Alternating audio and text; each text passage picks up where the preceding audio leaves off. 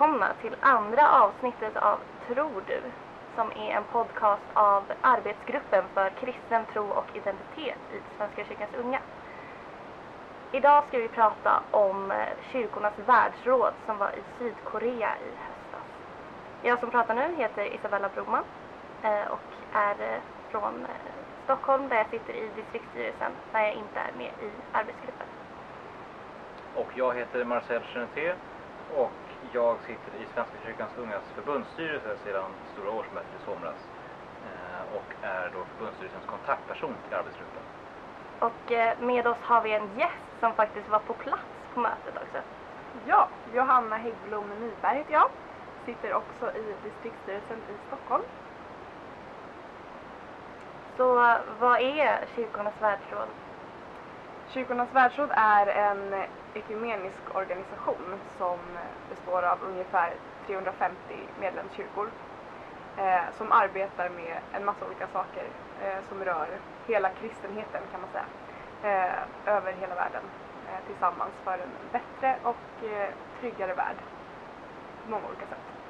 Exempel på vad de gör är till exempel att de jobbar med olika projekt i frågor som religiös dialog, eh, klimatfrågor, hiv-aids-problemet, kärnkraft, eh, gudstjänst och bön såklart och sen eh, har de också fredsorganisationer och sånt där som är på plats i bland annat Israel-Palestina. Vilken roll hade du på mötet? Jag var där som eh, deltagare typ, eller som eh, åskådare skulle jag väl snarare säga. Vi som åkte också, hela vi, ungdomsgruppen som åkte från Sverige, från Svenska kyrkans unga. Så vi hade inte rösträtt och vi hade eh, knappt yttranderätt heller. Eh, så så att det gällde att liksom, ville man föra fram någonting så fick man prata med de som var delegater som då hade rösträtt och yttranderätt. Eh, och jag tror att från Svenska kyrkan så hade vi fyra stycken delegater och det är också fördelat på hur stor kyrkan är. Eh, så många delegater man får ha. Eh, så att vi var ju ganska få eh, egentligen men ändå vi hade stycken. Hur många var det totalt?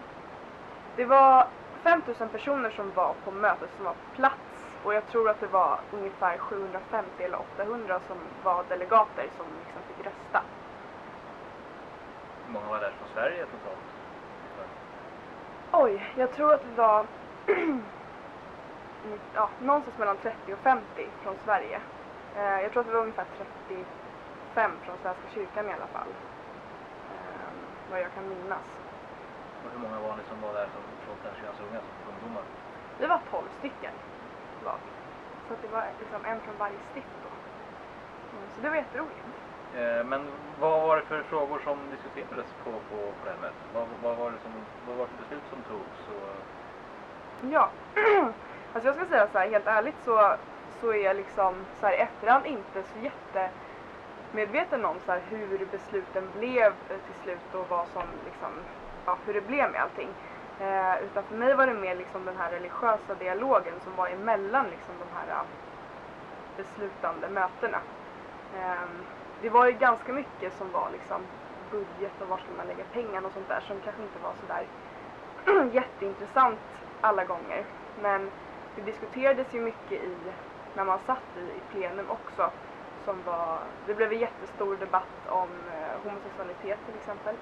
Ehm, och det är ingenting som man kan fatta beslut om för det som är grejen med kyrkornas världsråd är att det är så extremt, eh, alltså det är så, skiljer sig så mycket. Även fast vi är liksom en och samma religion så skiljer det oss väldigt mycket i vad vi står, och vad vi tycker. Vilket gör att man kan ju inte fatta ett beslut som skulle kanske strida mot en teologi som finns i en kyrka. Ehm, vilket gör att KV skulle, i alla fall inte än på väldigt, väldigt lång tid, kunna fatta ett beslut kring den frågan som skulle gälla alla kyrkor. Det är jättesvårt att ta ett sådant beslut. Ehm, så att det blir ju väldigt mycket liksom, det blir väldigt light på ett sätt skulle jag säga. Men ändå väldigt viktiga saker. Vi hörde att det var protester utanför mötet. Ehm, vad handlade det om? Ja, eh, det undrade vi också så här när vi kom dit och bara oj, det är ju verkligen typ bussar här med poliser och SWAT-team som har sökt igenom hela byggnaden och sådär. Vi var i ett jätte, jättestort konferenscenter. Det var verkligen aldrig sett ett så stort konferenscenter. Ehm, där alla liksom fick plats och sådär. Det var, alltså Starbucks låg i konferenscentret som ni fattar ju, det var ju toppen. Eh, nej, men det som var grejen, eller det som var grejen var att i Sydkorea så är den presbyterianska kyrkan jätte, jättestor. Eh, det är liksom majoriteten av, alltså det är den, den kyrkan som, som är störst. 80 procent eller något sånt där tror jag. Och eh, den här gruppen då, eller det, det var flera olika grupper som protesterade men den här stora protesten som var, det var någon väldigt liksom eh, konservativ grupp av, av presbyterianska kyrkan. Så det var inte liksom, vad ska jag säga, som motsvarande svenska kyrkan, alltså skulle varit i Sverige. Utan, utan det var någon annan grupp. Eh, som var emot eh, dialog, alltså religiös dialog mellan olika kyrkor. Och tycker inte att man behöver diskutera evangeliet till exempel utan att, att Bibeln är liksom given och det är Guds ord och man ska liksom inte hålla på och röra så mycket i det. Eh, så de hade, samlades där och de, det var inte, de var liksom fredliga. De satt mest och sjöng och store Gud och hade liksom förvisso i och för sig eh, typ skärmar, sådana här eh, kepsskärmar som det stod typ Dead Against WCC, alltså World Council of Churches som är det engelska namnet då för kyrkornas världsråd. Um, men sen så fanns det de som var lite mer så i små grupper, kanske de var tre till fem personer eller sånt där som också stod eh, utanför konferenscentret som var lite mer så jag kunde skrika att man var satan efter en och skrika att man skulle dra åt helvete eller att man, alltså de var lite mer rough liksom och då kunde man känna att det var lite obehagligt. Eh, eller väldigt obehagligt. Man, eh, man blir liksom aldrig utsatt för det i Sverige att, att man blir liksom någon tycker typ att man är pesten för att man har en viss teologisk syn på något sätt. För att många hade också plakat och då stod det också mycket om just samkönat äktenskap och, eh, och sådär, att man liksom, och religiös dialog då, att det är liksom en synd verkligen. Så, alltså så. Eh, så att de visste väl om att det fanns kyrkor, typ Svenska kyrkan som var där och de ska man inte beblanda sig med. Eh, så att såg de också att man var skandinav så kanske de gick på lite extra hårt, jag vet inte. Men det var obehagligt i alla fall. Men ändå så här en intressant liksom, tanke som väcks att hur det är att inte bli accepterad för ens tro. Man kan ju möta på liksom ifrågasättningar här hemma, absolut och så, men inte på det här sättet att någon liksom skriker efter en och är helt galen. Um, det var en eh, man som stod där i två veckor i sträck och skrek. Han var så hes den sista dagen. så det var helt sjukt. Ehm, så det var liksom lite olika grupper och den, den, stora gruppen som sagt, de var ju väldigt fredliga men det fanns också de som var lite mer obehagliga. Men det var, det var inte så att det här var så att säga, officiella protester från den här kyrkan utan det var liksom grupper på eget initiativ hade jag, mm, jag, tror att den här stora gruppen var nog också, för de hade liksom tryckt upp tröjor, alltså de hade verkligen liksom, och de hade de här kepsarna, skärmarna, så de var ju verkligen, alltså de var ju många. De var nog, eh, alltså jag vet inte hur många, men flera hundra i alla fall. Men sen de här, de här enskilda personerna som stod, de tror jag var nog, alltså mer, jag vet inte, kanske lite mer sekt åt det hållet eh, ja, men de har ju rätt att säga vad de tycker liksom. Så att, eh, det var lite speciellt. Men det var ju också lite bombhot sånt där som vi liksom inte riktigt fick så mycket information om. Det var så här, det var mer så här, ja nu är vi bombhotade, det har varit de här bombhoten. Eh, man bara, jaha okej, okay. vad ska vi göra nu? Ska vi gå, åka dit? Ska vi gå in här? Alltså, men det var ju jätte, jättemycket poliser och sånt där. Och sen så hade vi såna här pass runt halsen som de sen stod och kollade så att man var alltid tvungen att ha med sig det så att man skulle komma in när det var som värst. Liksom. Hur länge varade mötet? Mm.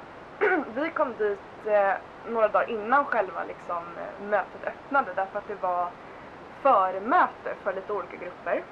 Eh, och då var det bland annat ett förmöte för unga personer som vi var på. Eh, sen så var det också ett speciellt för, alltså kvinnor hade ett möte, män hade ett möte. Och det var det här kvinnomötet som jag uppfattade som hade fått de här bombhoten, eller i alla fall ett av dem. Så det vet man ju inte vad det handlar om heller. Eh, sen så var det förmöte för ursprungsbefolkning och sen så var det också för handikappade personer. Eh, och det man gjorde på de olika förmötena var att man fick diskutera olika saker utifrån liksom det perspektivet. Så att vi som unga fick liksom prata om så här, hur, hur skulle vi vilja att det var i vissa olika frågor. Det var tre teman vi diskuterade utifrån då. Det var ehm, eh, försoning, eco-justice, alltså ekologisk rättvisa typ, och eh, migration. Och eh, sen fick vi diskutera saker och, och det var två dagar det här förmötet då. Eh, och sen kom man fram till liksom ifall vi ville skicka in någonting till Kyrkornas världsråd med hur vi tänker kring de här frågorna och liksom hur man skulle kunna jobba och sådär. Så det var lite spännande och då var det också väldigt mycket så här dans och sång och alla fick liksom eh, eh visa sin kontinent då. Eh, och förbereda lite spex. Så det var jättekul också. Så man träffade ju liksom några där som man liksom hejade på och hängde med lite sen under de kommande två veckorna. Eh, för sen drog mötet igång tror jag en onsdag och sen varade det till en, fre en fred, alltså fredagen en vecka efter. Så det var ju då en och en halv vecka som mötet var. Med paus under helgen. Så att, ja, en vecka var det väl då. Hur var det med alltså, själva mötet med förhandlingar men var det massa grejer runt omkring också? Mm. Jag kan berätta om hur en vanlig dag såg ut. Jag har nämligen med mig den här lilla boken. Så jag ska komma ihåg. Man glömmer så snabbt. Eh, men en vanlig dag då eh, kunde, eller såg ut så här att vi, vi bodde på hotell eh, som tog ungefär, det tog kanske 10 minuter. De hade abonnerat bussar så att bussar kom liksom plockade upp alla som bodde på hotellen. De var egentligen, det bodde ju nästan bara människor som var på, på KV på de här hotellen. Så att då åkte man med de här abonnerade bussarna någon gång så att man skulle hinna till bönen som började halv nio. Eh, sen så var det bibelstudium efter det. Och då kunde det antingen vara att man satt i en liten grupp eller att man satt i liksom en jättestor sån här konferens, alltså konferenssal som då rymmer väldigt många tusen personer eh, och lyssna. Eh, och sen så var det eh, plenary. Och då var det lite olika teman som diskuterades där. Och då var det liksom, då satt alla som åskådare och sen så var det några som pratade. Och det var liksom, då var det liksom en konferencier ungefär och sen så var det som en talkshow. De hade liksom byggt upp så här fint och så det var lite mer att de intervjuade vissa personer som hade liksom gjort kanske någonting eller liksom väldigt mycket inspirerande och sånt där. Eh, det var där man blev väldigt så här rörd och, och kände att eh, det fanns lite hopp liksom. Eller det var, det var väldigt fint och väldigt, väldigt bra. Eh, och sen så hade det varit liksom lunchpaus i två timmar så då gick man iväg och åt lite lunch. Eller drack Starbucks. Eller både och. Ehm, och sen så såg det lite olika ut eh, olika dagar men det var antingen så var det att man satt då i plenum och lyssnade och då fick vi sitta med sådana hörsnäckor eh, och lyssna. Och då var det ofta massa dokument som de delade ut som man liksom skulle läsa igenom och sådär så man skulle förstå vad det var som hände. Eh, och sen så var det att de pratade liksom, alltså som på ett årsmöte. Eh, men vi fick inte säga någonting så ibland var det lite svårt att så hänga med och, och så. Eh, Jag får bara fråga, pratade alla engelska eller var det liksom simultantolkning eller hur, hur, hur Ja. arrangerades allt det här? Det där var också en sån här grej som kom upp. Alltså det var ganska mycket sånt här... Eh, för, till exempel fransmännen hade det inte så lätt för att eh, när de ville alltså när de ville prata, de som, som kunde franska, då fanns det ingen som kunde översätta åt dem från franska till engelska, alltså på plats liksom. Eh, men däremot så var det ju tolk, alltså, fanns det tolkning i de här hörsnäckorna på engelska, tyska, franska, eh, ryska tror jag också fanns och, eh, och, sy, och sydkoreanska, eller koreanska såklart. Det är lite bubblefish över hela. Ja. Så här, lite guide till galaxen. Kan alla språk. ja precis, nej men de satt ju liksom i sina små rum så och, och eh, men det var också, det, det blir ju liksom lite rörigt, man hör någon och så pratar någon engelska och sen ska det bytas och så, alltså det Mm. var ju ganska rörigt att hänga med faktiskt i det här, i de här, alltså vad som hände och vad som diskuterades och allt sånt där. Jag var mer så här som satt och liksom eh, skrev ner om jag tyckte det var någon som sa någonting bra så, så skrev jag ner det citatet men sen så nu så när jag kollar igenom de här citaten så bara men i vilket sammanhang sa den här personen det här liksom. Eh, så att för mig så var det ganska mycket mer såhär, alltså att det gav lite hopp på något sätt. Alltså man kände ändå att det fanns, alltså, det fanns en god vilja liksom i allt arbete som, som man gör. Eh, sen så hade man på eftermiddagarna så var det ekumeniska konversationer. Eh, och då fick man välja innan vi åkte då mellan typ 21 olika teman som var. Eh, och då hade jag eh, valt ett som handlade om världsreligionen, alltså alla religioner, eh, som jobbar tillsammans för världsfred. För att eh, temat för det här mötet, det här var det tionde världsrådet som eh, ägde rum sedan det startade. Eh, och eh, temat var just rättvisa och fred. Så att det var väldigt mycket det fokuset också på det här världsrådet. Och tyckte jag det var intressant att välja något som ändå hade med, med det att göra liksom. Eh, och det var väldigt, väldigt intressant eh, var det. Och sen så var det på eftermiddagarna där så var det lite olika för att vissa sådana här, när det var val till exempel så var det liksom stängt. Då fick bara de som var där som delegater vara med. Um, och sen så ibland fick man vara med så det, var också, det gjorde också att det var lite rörigt. För man, vissa saker fick man vara med på, vissa saker fick man inte vara med på. Och vissa saker fick man diskutera och sen så kom man in någon annanstans och fick man inte säga någonting. så att det var lite så här, ja, det var lite rörigt faktiskt. Eh, så. Sen så var det i alla fall kvällsbön eh, klockan, eh, klockan åtta. Och sen så ungefär vid halv nio så brukade vi börja röra oss tillbaka till hotellet. Eller då hade man inte ätit middag så då var man ju ganska hungrig. Så då ville man äta middag. Ehm, nu har jag pratat jättemycket om hur en dag ser ut. Var det svar på din fråga? Ja, det tycker jag nog. Ja. Vad bra. Men just det här med att först så tänkte jag att det var väldigt mycket förhandlingar, sitta i plenum, men Mm. då var det ju ändå väldigt mycket så här ekumenik och prata med varandra eller andra som pratade och man fick lyssna och bön och grejer. Ja, ja, ja, verkligen. Jo, men det var ju liksom, det var väldigt mycket sådär faktiskt. Sen så var det också, alla dagar såg inte, såg inte exakt likadana ut, men de hade liksom, i det här konferenscentret så var det tre jätte, jättesalar. Liksom ett som var då, eh, alltså för prayer, alltså typ som en, ja, ja men andaktsrum, eller snarare jätte, jättesal. Och eftersom att alla liksom skulle få plats här inne så var det ju, var ju väldigt stort. Och sen så var det också, och sen var det en då sal där plenum var, och sen så var det en sal som de hade byggt upp eh, där det fanns massa bås, alltså massa olika föreningar eller så här som hade eh, liksom ett litet, en liten, eh, ett litet bås där man kunde läsa olika saker, olika foldrar och sånt där. Eh, och eh, där var det också, det kallades för madang som betyder trädgård på koreanska. Jag har lärt mig några ord. och ehm, där så, så var det också mm, workshops, olika workshops som man kunde gå på. Ehm, och vissa dagar så gjorde man det och vissa dagar så gjorde man inte det. Det var lite så här om man kände för. Vad var det bästa? Oj. ehm, det bästa var, så som jag pratat lite om innan, att så här, man fick väldigt mycket hopp om att liksom, det går att göra väldigt mycket tillsammans även om vi är så himla olika. Eh, vi är ändå liksom en och samma.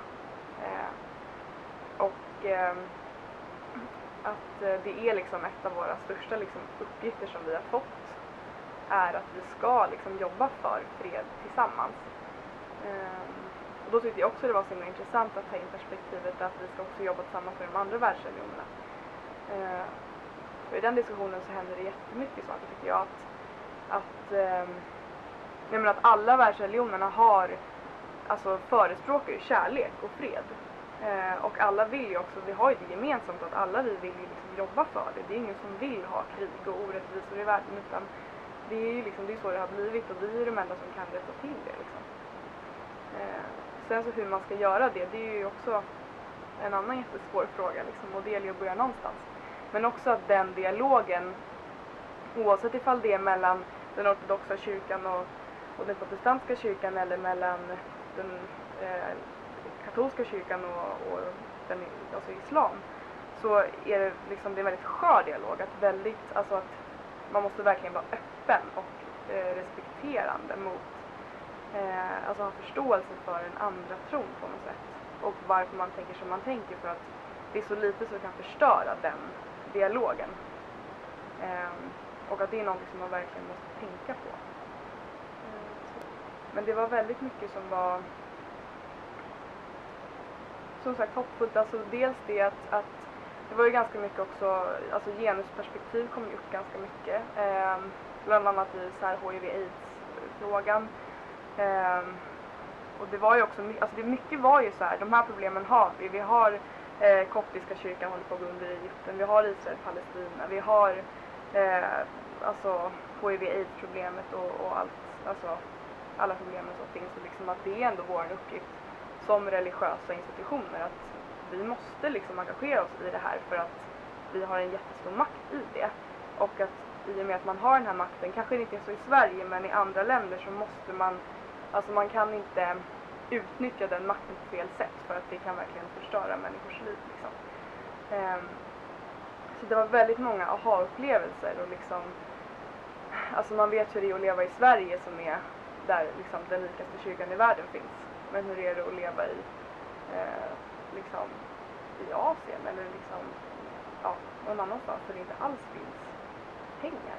Eh, det var väldigt mycket starka människor som berättade sina, eh, sina öden och liksom livshistorier och det är svårt att tänka ibland att oj, men vi delar ändå samma tro och lever så otroligt olika liv.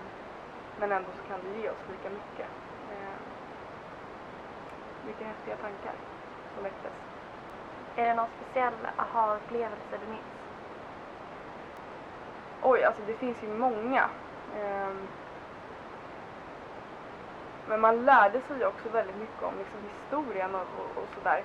Eh, på helgen så fick vi välja mellan olika program som vi, eh, som vi skulle göra, eh, eller delta i. Och då lämnade man liksom det här konferenscentret typ, och åkte istället iväg på olika utflykter. Och då valde jag eh, kvinnor och mänskliga rättigheter som var en dag som var eh, väldigt tung men också väldigt hoppfull. Eh, då vi fick åka först eh, till ett, ehm, ett museum, eller mer som ett minnesmonument för de kvinnorna som eh, var alltså, sexslavar under när Japan ockuperade Korea. Eh, och eh, sen blev eh, dödade efter det för att man försökte sudda igen alla spår efter det här. Eh, och sen så var vi också på ett center för där man tog hand om prostituerade som och hade trestegsprogram för dem. Hur de liksom skulle kunna ta sig ur det här. Eh, för det är jätte, jätte, jättestort med prostitution eh, i Korea. Och det som var liksom där, eller det som hände där var ju att alla vi som var med på det, vi var ju såhär, men det här är helt sjukt liksom. Att, att man, visst man vet att det kanske är så, men när man ser det liksom med egna ögon så, så fattar man ju också att vikten av att, att världsrådet flyttar runt, för det är på olika ställen varje år. Liksom för att det kommer, växer mycket tankar av att människor kommer dit och ser att så här lever de som kristna här. Eh, och vad behöver de jobba med här? Vad behöver kyrkornas världsråd liksom ta eh, och lägga sin kraft på här? Så att då fick jag faktiskt vara med på ett hörn och tillsammans med eh, jättehärliga amerikanska kvinnor skriva ett, eh, en vädjan typ, eller ett, vi skrev ihop ett dokument helt enkelt. Eh, men som var som en vädjan om, till Kyrkornas världsråd om att de måste jobba för eh, alltså mer jämställdhet och, eh, inte att de ska få bort prostitutionen i, i Korea. Eh, för att den är olaglig men eh, de skiter liksom i det. Så det var liksom väldigt mycket så att, att man fattar att Kyrkornas världsråd måste, alltså kan och borde verkligen jobba överallt. Eller liksom att det handlar inte bara om så här, vad har vi för teologiska problem? Eh, var ska vi komma överens i de här frågorna? Utan att det är så här, vi måste jobba med människorna eh, överallt i hela världen och liksom problemen som finns eh, ja, överallt. Eh, Men det var nog det största liksom, aha-upplevelsen. Men sen var det ju många andra också. Jag kan säga en annan intressant sak. eh, när man röstade så, så var det inte liksom majoritetsröstning som gällde, eller den demokratiska typen av röstning, utan det var konsensus som gällde. Eh, och det betyder att, att alla ska liksom vara överens i princip. Eh, alla ska liksom, man ska diskutera tills alla eh, känner att ah, men det här skulle ändå vara okej för mig. Eller liksom sådär. Eh, det tyckte jag var väldigt intressant när det var så många liksom, som skulle ändå komma överens och så många olika eh, confessions. Eh, men alla olika kyrkor helt enkelt. Men det funkade. Det var så himla häftigt. Då hade de liksom tryckt upp lappar då, så här, orangea och blåa. Så att man fick kolla upp dem då beroende på om man höll med eller inte med liksom. Och sen när, och jag tror att det var orange som var liksom, ja. Eh, så Vad konstigt med inte rött och eh, jag och grönt, vet! liksom. det var jätteförvirrande för vi fick nämligen öva på det här i, på förmötet då när vi hade ungdomsförmötet på skoj då liksom lite grann. Eller det var ju i och för sig på riktigt för att vi höll ju på med de här dokumenten som vi skulle skicka in dit. Ehm, men eh, och det var också så här konstigt att man inte fick, alltså när det var inte, alltså man fick inte ens sträcka upp ett papper. Alltså det var konstigt att inte få säga vad man, eller få liksom vara med och rösta. Man ville gärna. Men, eh, men det funkade med konsensus och det tycker jag var häftigt. Jag undrar hur det skulle funka i Svenska kyrkans unga, ifall vi skulle kunna ha det. Jag, jag kommer att tänka på det när du sa det. Hur skulle ett stort, årsmöte Ja. se ut? Siktsårsmöte se ut med, med eh, ja, den typen av system. Mm. Det skulle ju ta mycket längre tid. Då tar vi ganska lång tid redan nu. Ja. Och sen så är det väl det om alla måste komma överens så blir ju allting kompromisser. På ett Mm. sätt. Ja, det blir det ju. Man måste liksom näm- närma sig en mittenväg tills alla kan gå med på det och då kanske man kommer rätt långt ifrån grundtanken på vissa, Mm. i vissa frågor. Mm. Ja, Ja, samtidigt så- som det man väl kommer fram till förhoppningsvis är väldigt välförankrat i alla liksom, alla, så alla som är där röstar. Mm, mm, precis. Nej, men det var väldigt spännande.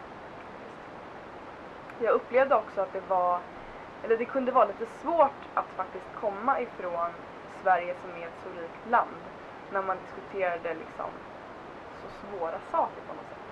Eh, till exempel så var vi på en, eh, en workshop som var, handlade om alltså youth poverty, alltså ungdoms eh, fattigdom. Eh, och eh, då satt man ju liksom med människor som, som hade er, verkligen erfarenheter av det här, hur det är att leva som fattig. Eh, och, och då sitter man ju där och då blir det ju mer som att man, man på något sätt så känner med, alltså det blir så konstigt för man, vad ska man säga själv, vad vad är ens erfarenhet av, av det? Det är klart att det finns de som har det i Sverige också men, men det är liksom, det blev så, det blev en sån krock liksom i mycket. Eh, eh, så att man, man kände liksom att jag är en bortskämd snorunge som inte har någonting att säga liksom. Eh, men det blev väldigt fina samtal och diskussioner i alla fall och sådär. Eh, sen så var det också en, en syrisk biskop som kom och började prata med oss när vi, vi satt och hängde bara. Vi, ja, vi satt och hängde i, i det, in, inne på den här madangen då så fanns det ett eh, ungdomsbås, eh, eh ungdomstält liksom som var uppbyggt som eh, det var lite kuddar och så, här. man kunde hänga och dricka te. Och eh, då kom den här syriska biskopen till oss i alla fall och började prata om, eh, om konflikten i Syrien. Och det är också så här, man ser det på TV jättemycket och man vet att det är jättehemskt och, och sådär. Men när han kommer och berättar och visar sina liksom, privata bilder som han har tagit med sin liksom, eh, iPad eller vad det nu var, eller liksom sin kamera. Eh, och visar för oss, det blir liksom en helt annan grej ändå. Man är så himla på skadad av eh, nyheterna. Att man, man ser så mycket hela tiden som man nästan blundar för det. Men där var det svårt att blunda för det. Också när man träffar någon person som lever mitt i det här. Det var många sådana möten. Eh, också när vi diskuterade klimatförändringar och sånt där, då kände man också att så här, ja men visst, vi har lite kallare vintrar och det blir varmare på somrarna. Liksom att vi märker det också men eh, inte till skillnad från de ungdomarna vi träffade som lever i, i Stilla havet. Deras öar sjunker som de bor på. Deras hem kommer liksom vara borta om några år. Eh, det är så långt ifrån våra liksom, eh, perspektiv. Så som ni märker så, så var min upplevelse mycket mer det här mötet och hur lever ni och liksom, alltså den, än vad det var så här, det här är dokumenten, det här beslutades, eh, det här är budgeten. Eh, utan det var mycket mer det här, alltså mötena och, och de tankarna som det väckte. Det verkar ju verkligen som att hela världen samlades i ett konferenscenter och man fick träffa folk man aldrig hade mött förut. För även om man skulle åka till något av de här länderna skulle man ju ändå säkert bo på ett charterhotell någonstans och inte ser verkligheten. Det Mm. är jättehäftigt verkligen. Ja men precis. Men också det att, att eh, hur ofta ser man liksom eh, någon koptisk biskop och någon kvinnlig präst från Sverige och någon, alltså, alltså samlade tillsammans och sitter och tar en kaffe liksom. Det är ju så här, det händer ju inte. Utan det är ju bara på sådana på såna ställen. Ehm, det var Nej, det var, det var verkligen så. Alltså hela världen samlas på ett och samma ställe. Ehm, det var häftigt. Kraften i ekumenik liksom. Verkligen, det var, det var verkligen så när man satt, framförallt kanske när man satt i de här um, plenary, när det var lite känslomässigt. Jag är en sån som gråter för allt, så där rann det tårar som aldrig förr. Nej men, eh, eh, då känner man verkligen hur starkt det är med ekumenik, liksom, att, att det är också så himla viktigt. Eh, det var verkligen häftigt. De som protesterade mot ekumeniken kanske borde kommit in och lyssnat på ett plenary istället. ja, precis. Jo men faktiskt. Ehm, ja, men det är så svårt att förhålla sig till det där för att eller till just de här protesterna och det som var därför att eh, det är så lätt att man tänker att ja, ja men vi har ändå rätt för vi är så liberala och härliga liksom eh, här. Men att eh, så kan man ju inte heller riktigt säga. Eller liksom, de har ju också rätt att tycka sina saker. Och det fina med, alltså det fina med ekumeniken som, som var där var ju att alltså vi behöver inte vara överens om allting men vi vill fortfarande jobba tillsammans för de viktigaste sakerna vilket är alltså rättvisa och fred. Eh, och, och det är det som liksom, då kan man bortse kanske från vissa eh, teologiska eh, särskiljningar inom de olika kyrkorna. Eh, därför att vi är faktiskt starka i Kristus liksom, tillsammans. Eh, någonting jag kom att tänka på var att i eh, nyhetsrapporteringen i Sverige om Sydkorea så ser man, eh, för det mesta så handlar det om, liksom, om konflikten Nordkorea-Sydkorea. Och det är någonting som ni märkte någonting av när ni var där. Syntes det på något? Eh, ja, eh, som jag sa så, tidigare så, så, så förstår man ju vikten av att världsrådet flyttar runt liksom, för att det här är ju en jättestor grej liksom. Alltså, det är ju verkligen det. Och eh, alla sydkoreaner som man träffade var ju verkligen, alltså vill ju verkligen att det ska förenas igen, att det ska bli som det var förut liksom. Eh, det var, alltså kyrkorna i Nordkorea, för det finns liksom, det finns där också i Nordkorea, de var inbjudna eh, också att komma men kunde av vissa anledningar inte dyka upp. typ så. Ehm, eh, Jättetråkigt. Men de, eh, de har kontakt liksom kyrkorna emellan och så, vad det verkar. Eh, under den här helgen också som vi fick, eh, när jag var på den här kvinnor och mänskliga rättigheter så åkte vi runt på massa olika kvinnocenter och sådär. Och då var det bland annat ett center som tar hand om eh, nordkoreanska flyktingar. Och då fick vi eh, träffa tre kvinnor som har alltså flytt, alltså verkligen så här över gränsen med ryggsäck, nattetid liksom, den typen av, av flykt. Ehm, det var också väldigt, alltså så långt ifrån, från ens egen världsbild liksom, när de berättar om hur det är där och, och, eh, och så. Ehm, men jätte, fint att få se att det finns liksom, att man satsar ändå på det i Sydkorea, att man tar emot flyktingarna, man ser till att de får liksom utbildning, att de får ett jobb, att de kan ta sig in i samhället. För att de är ju ganska, de är, eller ganska, de är väldigt förstörda liksom mentalt. Eh, verkligen kan ju ibland inte tänka riktigt själva och liksom att komma ut i en värld då som är så himla olik och så fri ändå på ett sätt eh, kräver ju en del arbete. Så det var väldigt fint att se att det, att det fanns liksom mycket jobb. Eh, eller att man la ner mycket jobb på att, att ta hand om flyktingarna. Sen så är det ju inte sådär jättemånga som lyckas ta sig över. Eh, och eh, man är ju också väldigt rädd när man har kommit dit för att man är så rädd att det ska komma fram ju att man har, att man är flykting för att då går ryker ens familj ofta. Eh, är det. För att de har ju koll på alla. Så att man, mär, alltså, man märkte av det för att det diskuterades ju såklart mycket och just när det handlar om rättvisa och fred eh, så, så var ju det såklart att det kom upp ganska mycket. Och att, och att eh, kyrkornas världsråd liksom, i den mån de kan också såklart vill jobba för en förening. Eh, där.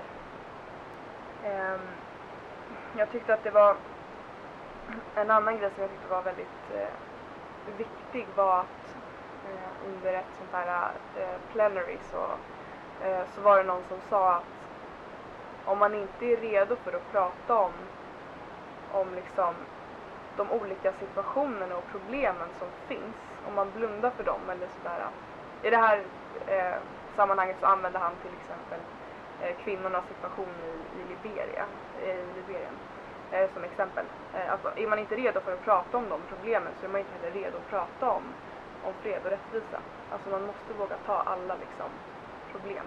Eh, oavsett ifall det gäller, liksom, alltså när det gäller alla människors lika värde och, eh, och den typen av, av problematik som finns överallt. Eh, att man liksom måste börja med det. För att vad är det, alltså vad kommer vi skapa för världsfred om det inte ens finns jämställdhet? Liksom?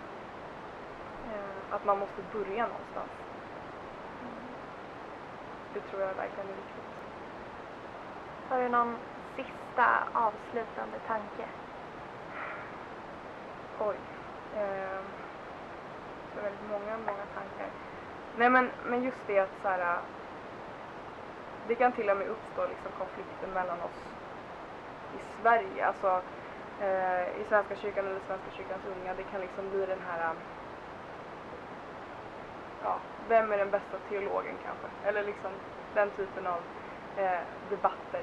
Och det är så onödigt tycker jag för att det är inte där vi ska lägga vår kraft. Vi, ska liksom enas, eh, enas i vår tro och i Kristus och i vår kyrka och liksom jobba tillsammans, inte skapa eh, konflikter när vi inte behöver. Utan att verkligen säga, det är okej att tycka olika. Det är mer än okej att tycka olika om saker och ting. Eh, alla har sin uppgift, eh, både i sitt eget liv och i eh, sin kyrkliga kontext eh, och i världen. Och att så länge vi arbetar för det som, som, eh, som Jesus vill att vi skulle arbeta för, alltså att älska vår nästa och eh, även våra fiender, så kommer vi komma jättelångt på det. Istället för att bygga upp massa onödiga väggar mellan människor. Därmed så tar vi och sätter punkt för dagens avsnitt. Tack så mycket Johanna Hägglund Nyberg för att du ville vara med. Tack för att jag fick komma. Du har lyssnat på Tror du? En podcast av Svenska kyrkans ungas nationella arbetsgrupp för kristna tros och identitetsfrågor. Tack så mycket för att du lyssnar. Nästa avsnitt kommer den 27 februari.